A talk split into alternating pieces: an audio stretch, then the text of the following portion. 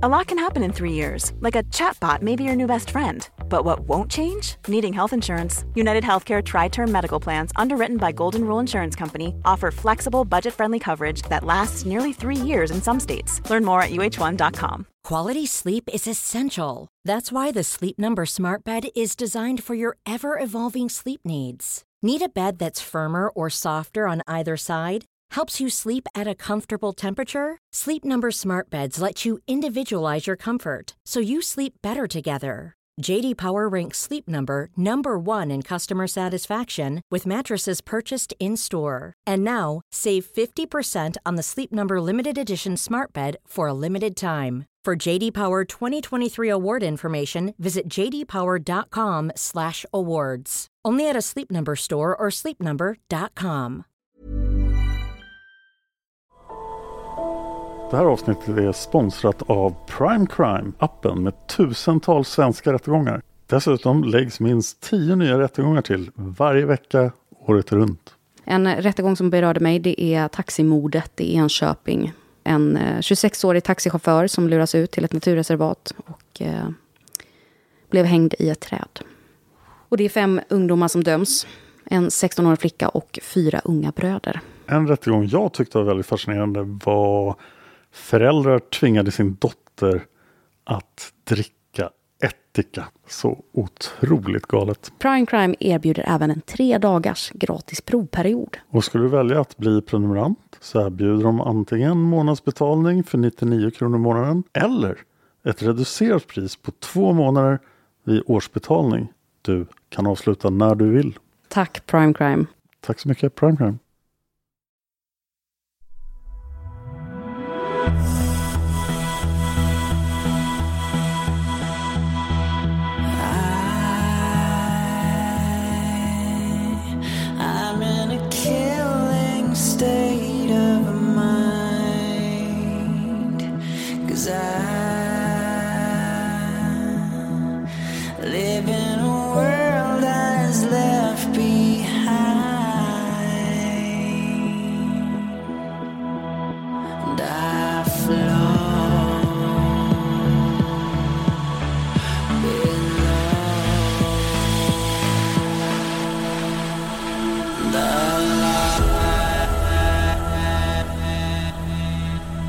Lyssnar på Mördarpodden.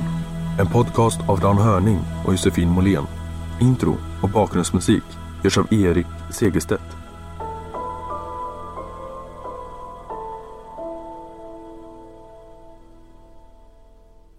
Välkomna till Mördarpodden.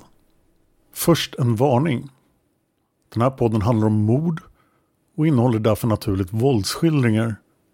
Jag vill dock utfärda en extra varning för det grova våld som kommer att skildras i den här historien. Jag vill även utfärda en varning om att jag kommer att ta upp sexuella övergrepp mot barn i det här avsnittet. Om du är det minsta känslig så lyssna inte på det här avsnittet. Jag kan rekommendera min podd Sova med Dan. Där jag precis gjort avsnitt om hästar. De är mycket trevligare. Jag är själv här idag, alltså ingen Josefin. Och det beror på att Josefin är fullt upptagen med att sitta och klippa. Och vad klipper hon då undrar du? Jo, hon klipper Chris Kremers och Lisanne Froon. Del 1 till X. Jag vet inte när jag spelar in där hur många delar det blir, men det blir definitivt fler än fyra delar som jag sa i Massmördarbjörnen. Så därför måste jag spela in ett avsnitt själv. Och jag har fått hjälp, väldigt mycket hjälp, av Sofie Karlsson som har skrivit det här avsnittet. Så tack Sofie!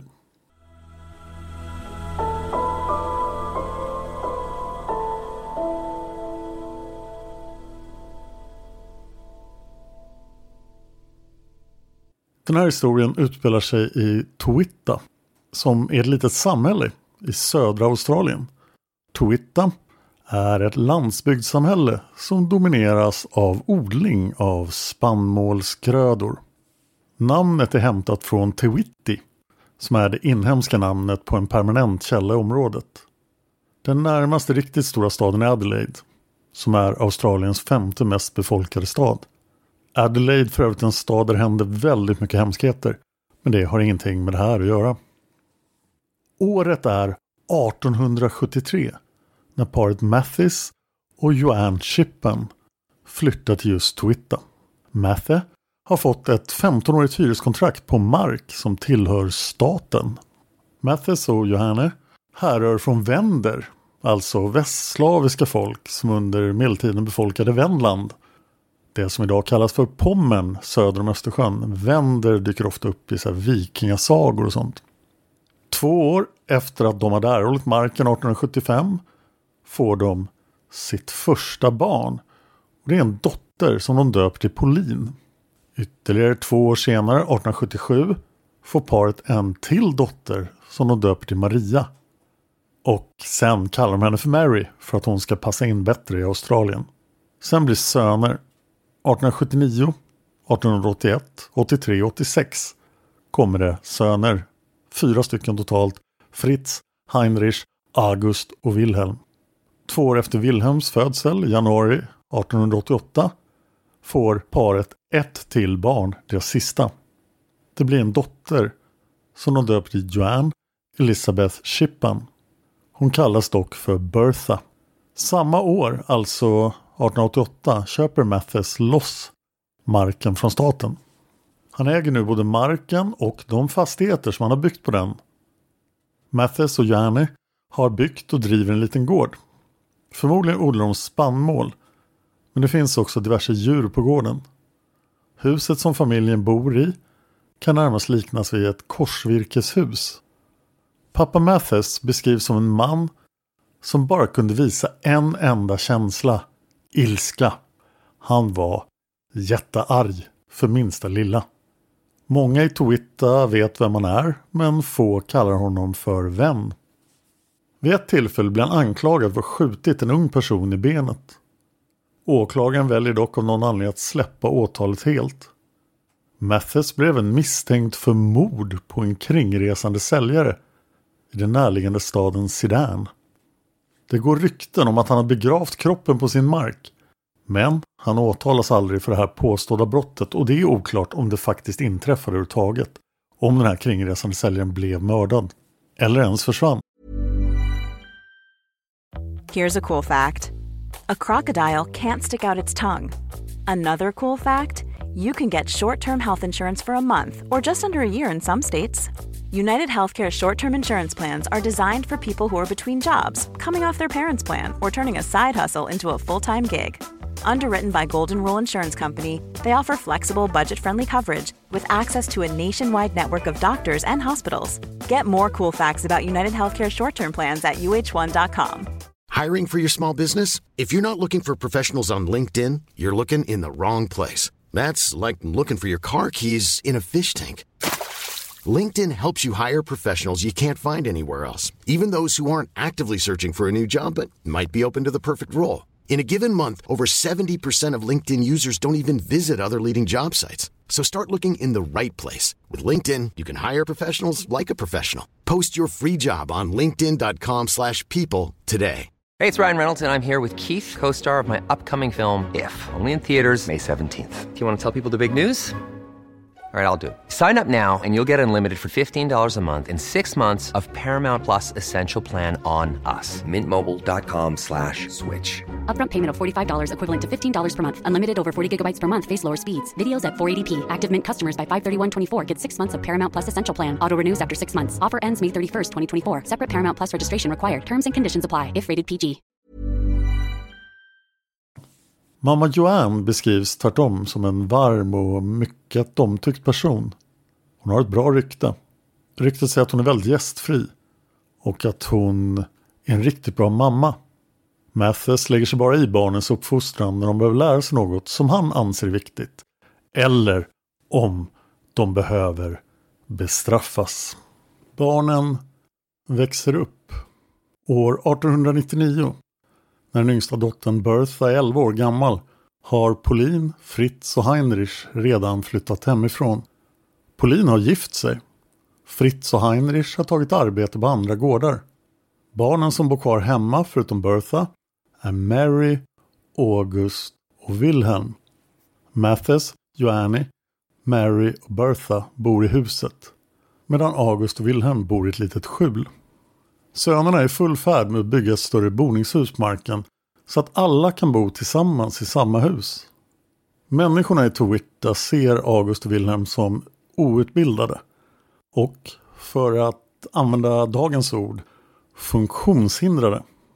Systrarna Mary och Bertha arbetar nu på Yaluma Fruit Canning Company där de stoppar frukt i burkar. Deras kollegor kommenterar ofta hur olika systrarna är och hur de mer verkar ha ett mor-dotter-förhållande än ett systerligt sådant. Det skiljer 11 år mellan båda. Mary är en vuxen kvinna på 22 år och Bertha är fortfarande ett barn men hon jobbar ändå på en fruktburksfabrik. Mary är en lång kvinna med mörkbruna ögon och vad många anser vara attraktiva drag. Hon är introvert och nervös. Hon lämnar aldrig hemmet efter mörkrets infall. Bertha däremot är extrovert och har en stark vilja. Bertha är enligt omgivningen uppenbart sin pappas favoritbarn.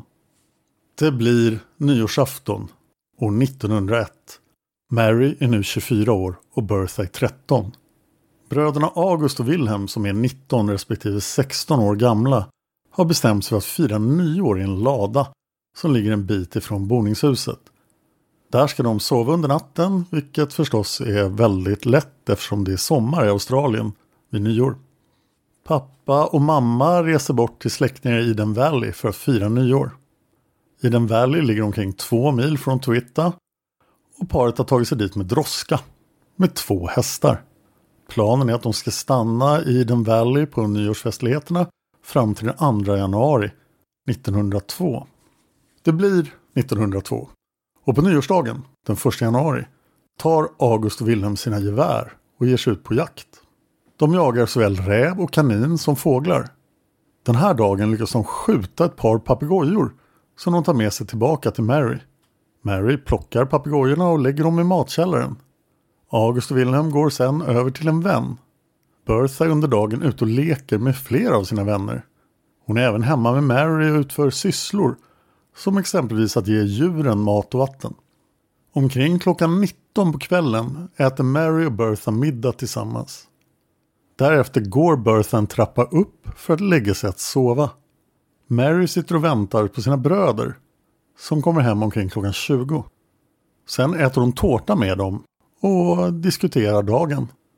Efter det säger Mary, August och Wilhelm godnatt till varandra och bröderna går ut till sitt skjul. Mary lägger sig i samma säng som Bertha. Systrarna delar alltid säng. Det jag nu kommer att berätta är Marys historia om vad som hände under kvällen den 1 januari 1902 i familjen Chippans hem. Omkring klockan 22 vaknar Mary av att någonting trycker mot hennes kropp. Hon öppnar ögonen och stirrar rakt in i ett annat par ögon. Ögon som tillhör en skäggig man. Mary skriker. Mannen tar tag i hennes handleder och drar henne ur sängen som hon delar med sin lilla syster. Sedan kastar mannen henne genom rummet så att hon slår in i familjens symaskin. Då vaknar Bertha av Marys skrik och börjar även hon skrika. Systrarna börjar ropa efter sina bröder men då säger mannen att det är bäst för dem att de är tysta annars kommer han att döda dem. Mannen tvingar ut Mary i köket och hon ser hur han tar tag om en kökskniv. Sedan tappar mannen kniven. Den faller till marken och Mary ser inte det här men hon hör det. Och nu inser hon att hon har en möjlighet. Hon rusar plötsligt ut ur huset väl medveten om att hon lämnar sin lilla syster ensam med den här inkräktaren. Hon springer mot brödernas skjul och ropar deras namn August, Wilhelm, vakna! Sen springer hon in till dem. Och när bröderna äntligen vaknar berättar Mary förfärad att det finns en inkräktare i huset. Istället för att rusa tillbaka till huset för att hjälpa sin lilla syster springer August en och en halv kilometer till närmaste granne. Andfådd berättar August för grannen att någonting har hänt hans systrar i huset. Grannen förstår inte hur detta berör honom utan säger att det är inte hans problem. Bröderna får kontakta den lokala polismannen som bor ytterligare en bit bort istället. August går då hem för att hämta Wilhelm och Mary. Senare går alla tre till polisen. Vad Wilhelm och Mary gjorde medan August var hos den ohjälpsamme grannen är lite oklart men förmodligen låg de och tryckte och var livrädda. Den lokala polisen heter konstapel Lambert. Efter att ha hört syskonens historia följer han med dem hem. Och där upptäcker han att Bertha ligger död i en enorm pöl av blod i boningshuset. Det här är alldeles för mycket för konstapel Lambert så han tar med sig syskonen Chippan hem till sig. Där bor även hans föräldrar och de försöker trösta Mary, August och Wilhelm. Medan konstapel Lambert ger sig ut för att eh, hitta en mer erfaren polis som kan hantera det här. Dagen därpå, den 2 januari 1902, åker August till Eden Valley för att informera sina föräldrar om vad som har hänt. Samtidigt tilldelas fallet en mer erfaren konstapel Moby. Moby åker hem till familjen Chippan och spärrar av brottsplatsen som alltså borde ha spärrats av väldigt långt tidigare. Brottsplatsundersökningen visar att Bertha kämpade hårt för att överleva. Det finns tecken på strid i flera av hemmets olika rum. Bland annat finns det blodstänk på väggar och golv samt ordentlig oreda. En rättsmedicinsk undersökning av Berthas kropp visar dessutom att hon har flera rivmärken och skrapsår samt att hon har fått flera hugg av en kniv i händerna. Det rör sig alltså om tydliga avvärjningsskador. Sammanlagt har gärningsmannen huggit Bertha 40 gånger. De flesta huggen har riktats mot hals och nacke. Det finns ett enormt sår över hennes hals. Hon är nästan halshuggen. Dessutom är hennes öron avhuggna och hennes kinder är uppskurna. Den rättsmedicinska undersökningen utförs av rättsläkaren Ramsey Smith. Ramsey letar efter fysiska tecken på att Bertha har blivit utsatt för sexuellt våld men kan inte hitta några sådana. En annan läkare, Dr. Steele, undersöker Mary och jag kommer att återkomma till den undersökningen. Omkring klockan 13 den 2 januari, dagen efter mordet, kommer pappa Mathis, mamma Joanne och den äldre brodern Heinrich hem. Även Heinrich har då blivit informerad om vad som har hänt Bertha. Mathis får identifiera Berthas kropp. Han visar inga som helst känslor när han bekräftar att det är hans dotter som fortfarande ligger där död på golvet. Det låter jättekonstigt att hon ligger död på golvet om hon har varit på obduktion, så det tar om. Han visar inga som helst känslor när han bekräftar att det är hans dotter som är död. Det är som sagt sommar i Australien i januari och det är väldigt varmt. Eftersom det inte finns några möjligheter att kyla ner kroppen så brådskar det att begrava Bertha. Två grannar förbereder kroppen och redan en dag efter att den har hittats, den 3 januari 1902, begravs Bertha Shippans kropp. Släkt och vänner samlas hemma i familjens hus och sörjer Bertha. Till slut påbörjas en riktig mordutredning av polisen. Myndigheterna skickar 15 man som ska utreda mordet. Efter begravningen får Mathis och Jan flytta ut till skjulet där August och Willem bor. Under hård mediebevakning förhör polisen familjemedlemmarna i familjen Chippen. Först förhör de August och sedan Willem. De lämnar liknande redogörelser.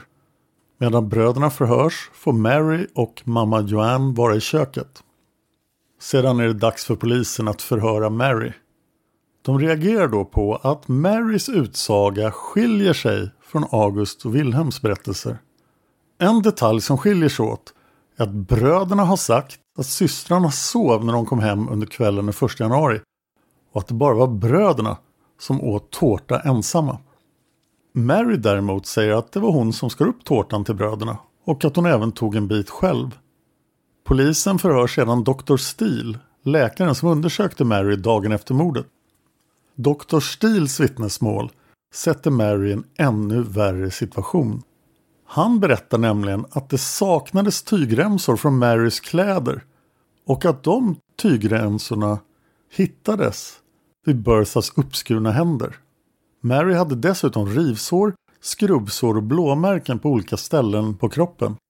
Bland annat på sina knän och på sina lår. Detta, menar Dr. Steele, tyder på att Mary var den som Bertha kämpade om sitt liv mot. Plötsligt blir Mary huvudmisstänkt för mordet på sin egen lilla syster. Värt att reflektera kring här är att Mary sa att hon också blev attackerad av den skäggige mannen. Men det verkar inte som att polisen väger in möjligheten för att skadorna uppkommit i den kampen. Eller så finns det någonting som gör att de vet att skadorna inte uppkommit i strid med den skäggige mannen. Föräldrarna förhörs men eftersom de inte var hemma vid mordet kan de inte tillföra särskilt mycket till utredningen. En eh, tekniker vittnar om att det inte fanns några tecken på en inkräktare i familjens hem. Han säger dock att han har hittat ett stövelavtryck som tillhör pappa Mathis och som inte var mer än två dagar gammalt vid brottsplatsundersökningen när Mathis skulle ha varit i Eden Valley. Det här medför att blickarna nu även riktas mot Mathis som misstänkt. Flera poliser motsätter sig dock vad den här teknikern säger. De hävdar att det är omöjligt att Mathis har varit inblandad. Han har enligt dem ett vattentätt alibi och han var två mil från mordplatsen när mordet skedde. Planning for your next trip?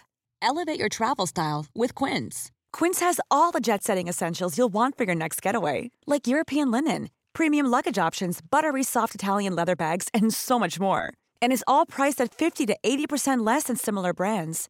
Plus, Quince only works with factories that use safe and ethical manufacturing practices. Pack your bags with high-quality essentials you'll be wearing for vacations to come with Quince. Go to quince.com/pack for free shipping and 365-day returns. Det finns dock uppgifter om att en av hästarna som drog droskan till Eden Valley var svettig när paret Chippan anlände hem den 2 januari. Men inte den andra. Detta skulle ha indikerat att Mathis kanske red hem på en av hästarna och sedan tillbaka till Eden Valley efter mordet. Det lät långsökt och det avfärdas dock också. Mathis avskrivs som misstänkt. Förhören fortsätter under flera dagar. Mary förhörs i flera timmar under mer än en dag. Hon besvarar alla frågor lugnt och sakligt och hon ändrar inte sin historia. Hon visar inte heller särskilt mycket känslor. Efter många timmar i vittnesbåset berättar dock Mary någonting som för de flesta är helt ny information. Mary berättar att hon har en sexuell relation med en man som heter Gustav Nitschke. Här vill jag nämna att i några källor står det att Mary och Gustav var gifta.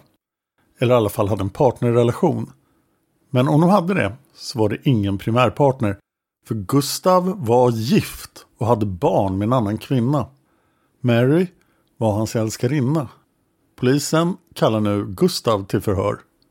Och han erkänner att han haft sex med Mary vid minst tre tillfällen. Den 17 december 1901 berättar Gustav, några veckor innan mordet, hade de haft sex i Marys föräldrars säng medan Bertha låg i sängen bredvid. Det framkommer även att Gustav har gjort sexuella närmanden mot 13-åriga Bertha. Gustav uttrycker bland annat att han har skedat Bertha men en annan man skedade Mary. Han har också skämtat om att supa ner Bertha och ta med henne till storstaden. Den här relationen mellan Gustav och Mary och Berthas kännedom om den ser polisen nu som ett motiv till mordet. Enligt 1902 års standard är den här affären såklart helt skandalös. Gustav försvarar sig med att presentera ett alibi. Han hävdar att han har varit i Adelaide under nyår. Och polisen hittar ett antal vittnen som kan intyga det. Gustav avskrivs därför snabbt som misstänkt. Nu kvarstår bara misstankar mot Mary. Det finns motstridiga uppgifter om formatet på polisens förhör och utkomsten av dem. Enligt vissa källor, som exempelvis artiklar i tidningen The Telegraph, åtalas Mary efter förhören och ska genomgå en rättegång. Enligt andra källor, som till exempel en kort dokumentär med titeln The Towita Mystery och en artikel på Find the Grave, närvarar en jury under förhören. En jury som dömer Mary för att ha mördat Bertha. Antingen med motivet avundsjuka för att Gustav har gett Bertha uppmärksamhet eller för att Bertha hotat med att avslöja det hemliga förhållandet. En representant från juryn ska ha sagt citat Vi i juryn är övertygade om att Joanne Elizabeth Shippen, känd som Bertha, mötte sin död under den första kvällen av januari 1902 genom att Mary Chippan halshögg henne. Slutcitat. Mary nekar konsekvent till att ha mördat sin lilla syster. Källorna enas till slut om att Mary efter förhören transporteras till Adelaide Gaol, ett ökänt och numera nedlagt fängelse. Hon kommer att få en rättegång, men källorna är alltså oense om huruvida sakfrågan om mord ska prövas under rättegången eller bara påföljden. Dödsstraff är en realitet i Australien på den här tiden. Mary riskerar att bli dömd till döden och avrättningsmetoden kommer i så fall att bli hängning. 30 år tidigare blev den första kvinnan i södra Australien hängd efter att ha blivit dömd för mord. Hon hette Elizabeth Woolcock och hennes historia kanske vi berättar om en annan gång. Mary är väl medveten om att hon kan bli den andra kvinnan i södra Australien som döms till hängning. Rättegången mot Mary inleds i mars 1902. Den slutar med att Mary blir frikänd trots den här märkliga juryn som alltså dömde henne till skyldig under förhören. Detta kanske indikerar att det var sakfrågan som prövades. Men enligt de källor som hävdar att det bara var påföljden som skulle prövas ändrade domaren den tidigare domen på grund av all bristande bevisning. Mary Chippan släpps fri. Men hennes rykte är dock befläckat på grund av affären med Gustav och familjen Chippan flyttar så småningom iväg från Twitta. Nio år efter mordet, 1911, dör pappa Mathis av naturliga orsaker. Sex år senare, 1917, visar Mary tecken på tuberkulos och det avlider hon i två år senare, 42 år ung. Mamma Joanne dör fyra år senare, 1923.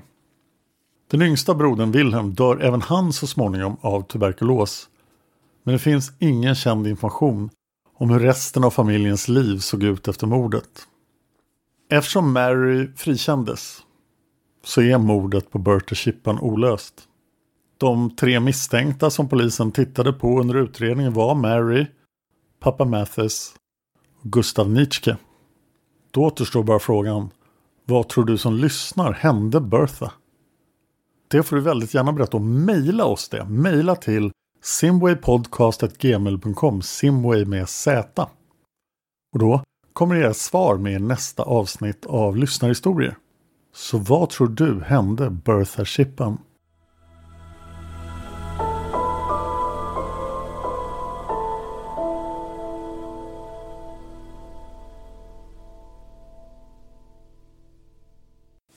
Nu är jag själv här då och ska försöka avsluta men jag kan ju säga att eh, när Lisanne Froon och Chris Kremer-serien kommer så kommer ni alltså kunna lyssna på hela serien hoppas jag på Patreon. Där finns dessutom alla avsnitt från Richard Chase del 1 utan reklam. Och de kan du lyssna på på Patreon också.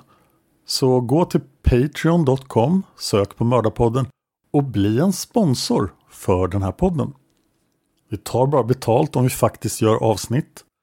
Och du väljer själv hur mycket du vill betala per avsnitt. Följ mig på Instagram, heter Dan Hörning, så är lätt att hitta, finns ingen annan som heter så. Följ även Josefin, J.